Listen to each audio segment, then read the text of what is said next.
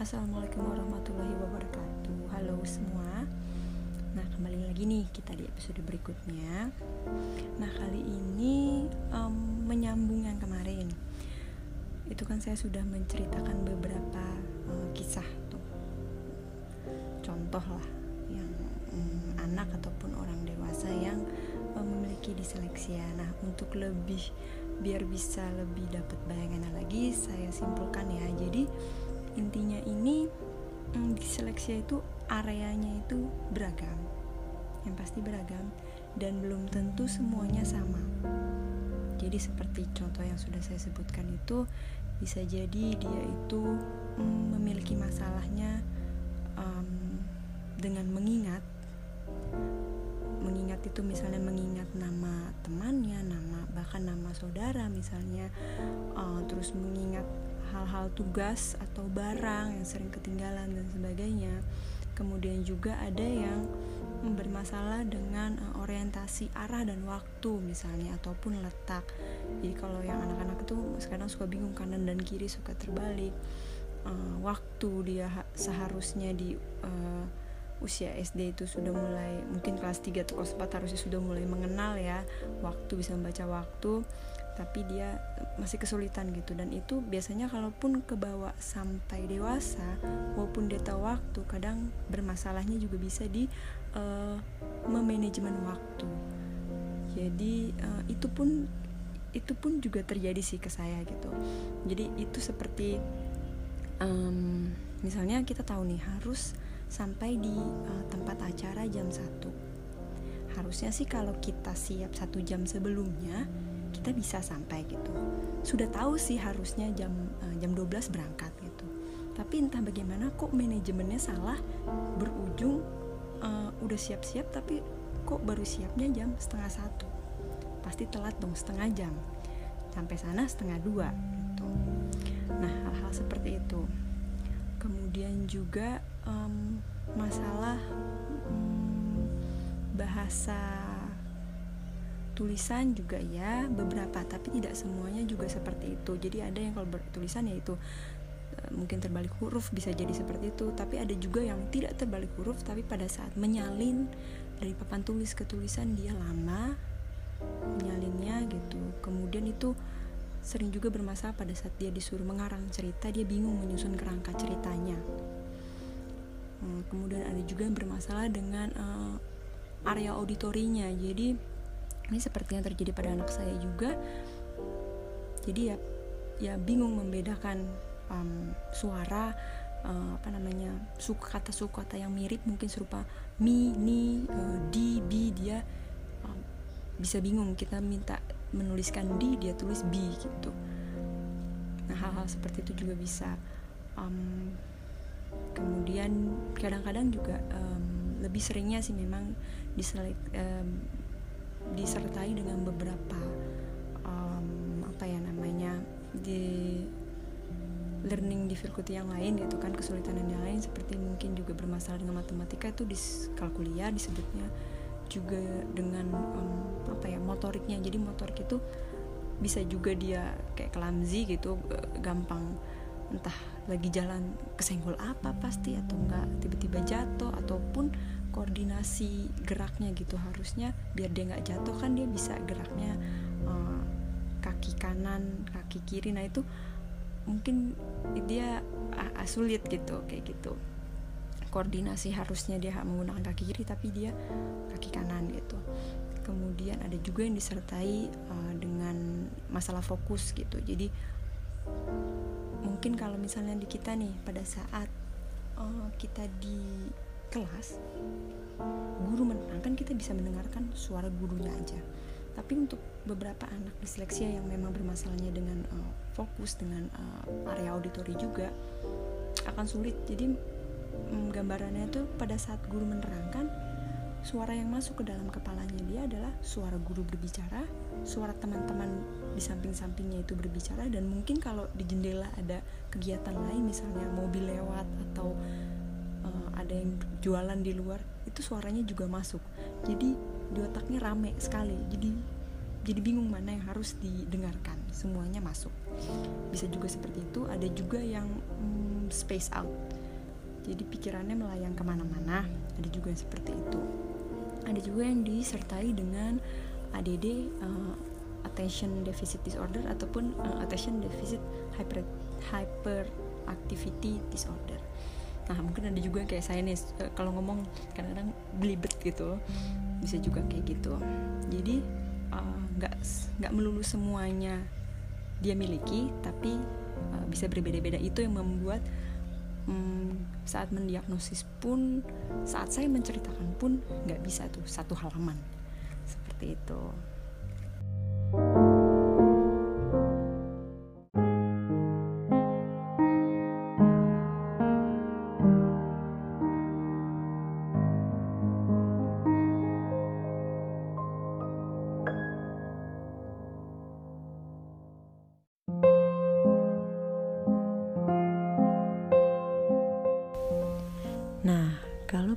Segmen sebelumnya kita membahas mengenai uh, area-area kesulitan uh, anak-anak disleksia. Nah, kali ini di segmen ini um, saya ingin membahas dampaknya bila kita uh, telat intervensi ataupun kita tidak intervensi anak-anak ini. Ada pernah uh, satu pertanyaan yang ditanyakan ke saya uh, di awal uh, saya um, mencurigai anak saya uh, disleksia. Uh, ketika itu mereka bertanya. Uh, kira-kira seperti ini. Kenapa tidak dimasukkan aja ke SD yang tidak mementingkan baca tulis? Atau di sana nanti diajarkan, kan gak ada masalah. Jadi karena ya inilah ya, karena keawaman kita, karena kita tidak tahu. Saya tidak menyalahkan orang tersebut, tapi karena tidak tahu memang ya berpikir adalah ya menyepelekan hal itu gitu. Um, ya kan baca tulis itu bisa dilatih aja. Semua orang juga dilatih gitu. Ya memang benar tapi permasalahannya eh, pola berpikir anak-anak disleksia ya cara belajarnya itu berbeda.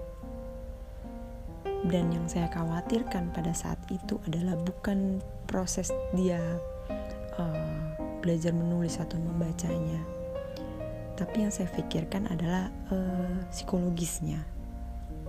Karena kondisinya saat itu anak saya itu mulai tidak percaya diri tidak suka sekolah sering uh, menangis di kelas.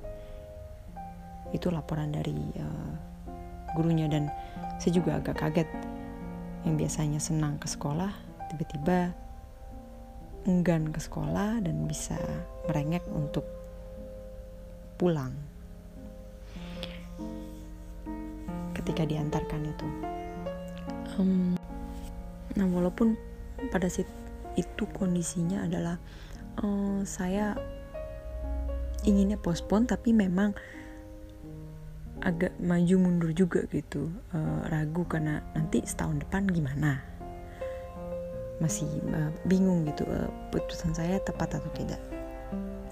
Dan di saat yang hampir bersamaan itu uh, ketika saya mulai mendatangi seminar-seminar dan workshop itu ya di situ dijelaskan bagaimana ketika seorang anak yang disele memiliki disleksia itu satu telat intervensi, kedua um, tidak terintervensi, yang terjadi adalah um,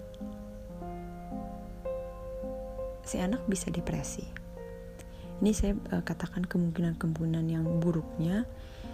Sang anak ini bisa menjadi depresi kemudian bisa juga uh, dan menunjukkan cara depresinya itu bisa dengan ada yang menyendiri tapi ada juga yang menjadi uh, nakal.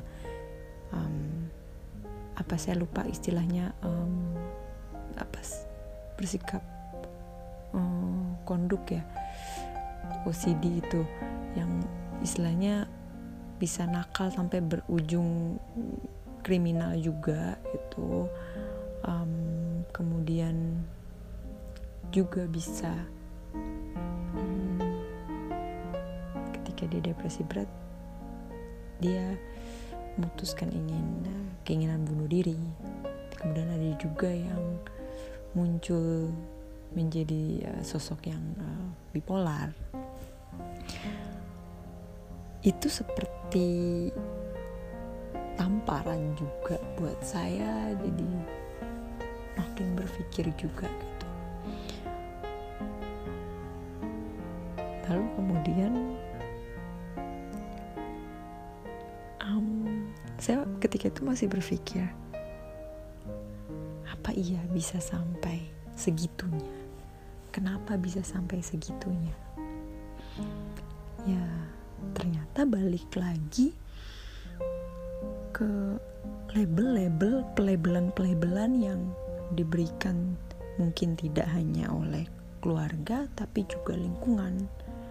Lingkungan yang menganggap dia bodoh. Lingkungan yang menganggap dia anak yang nakal. Ataupun ada juga anak yang berlindung dengan menjadi um, menjadi badut di kelas. Jadi ya sudah dia ngelucu aja. Hal-hal orang-orang yang dibilang uh, konyol ya udah dibuat konyol aja sekalian. Ada juga yang menjadi um, yang nakalnya tidak ditangani akhirnya ya udah kan orang-orang kenal saya nakal makin nakal aja makin nakal makin nakal.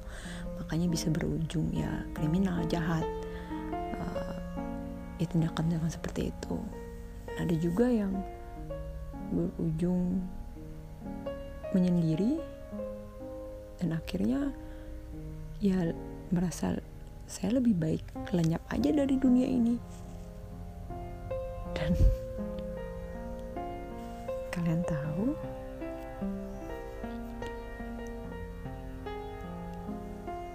Saya um, ya di saat itu di saat saya sedang berpikir apa iya mungkin? Apa iya? Dan ya ada seorang ibu yang cerita duduk di samping saya ada yang duduk di depan saya anaknya SD dan anaknya juga yang ada juga yang pra remaja SMP kalau saya tidak salah ingat anak-anak seusia itu. Mereka ingin bunuh diri. Mereka berkali-kali merasa ingin bunuh diri. Bagi mereka,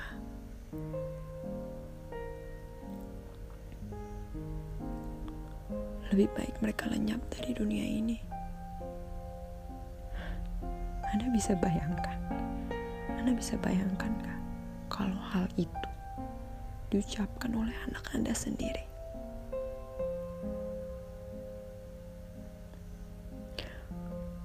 Dia hancur, apalagi kita juga hancur. Gak ada orang tua yang ingin mendengar kata-kata itu dari mulut anaknya.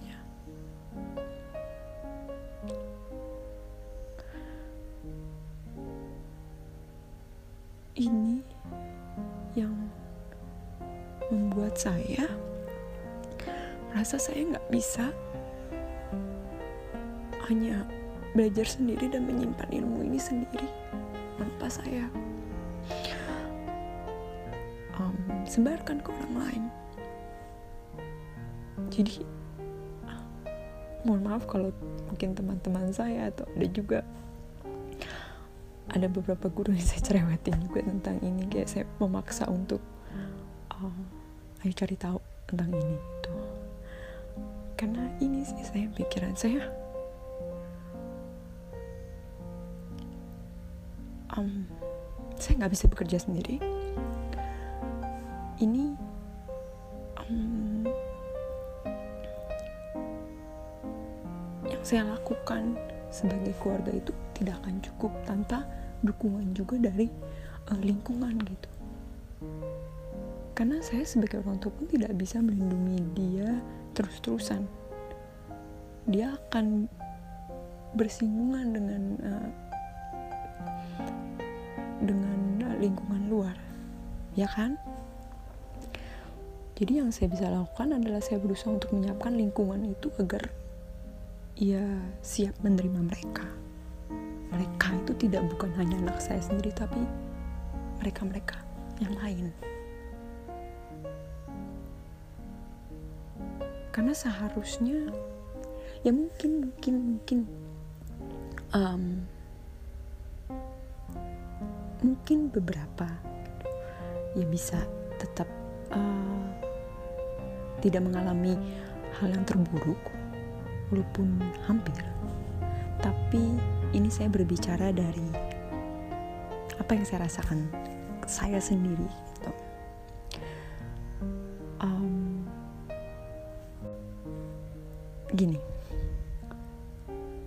siapa sih orang tua yang ingin anaknya itu hanya menjalani hidup aja. They're feeling just fine with their life, just fine. Padahal seharusnya dan setiap orang tua pasti inginnya anak-anaknya itu um, memiliki ya hidup yang hebat, hidup yang yang mereka merasa sempurna dalam hidupnya ya bisa mencapai impiannya. Nggak hanya sekedar ya udah gue hidup aja. Ya udah gini deh hidup gue nggak ada. Pasti nggak ada. Jadi saya nggak saya nggak mau cuek-cuek aja dengan kondisi anak saya dan hanya tinggal menyerahkan ke pihak ketiga dan berharap semuanya baik-baik aja. Saya nggak mau anak saya hanya baik-baik aja.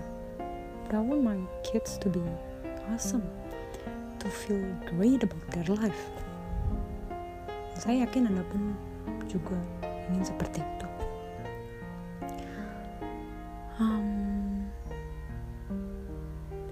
Rasa itu aja renungan untuk uh, kali ini. Um, sampai jumpa di episode berikutnya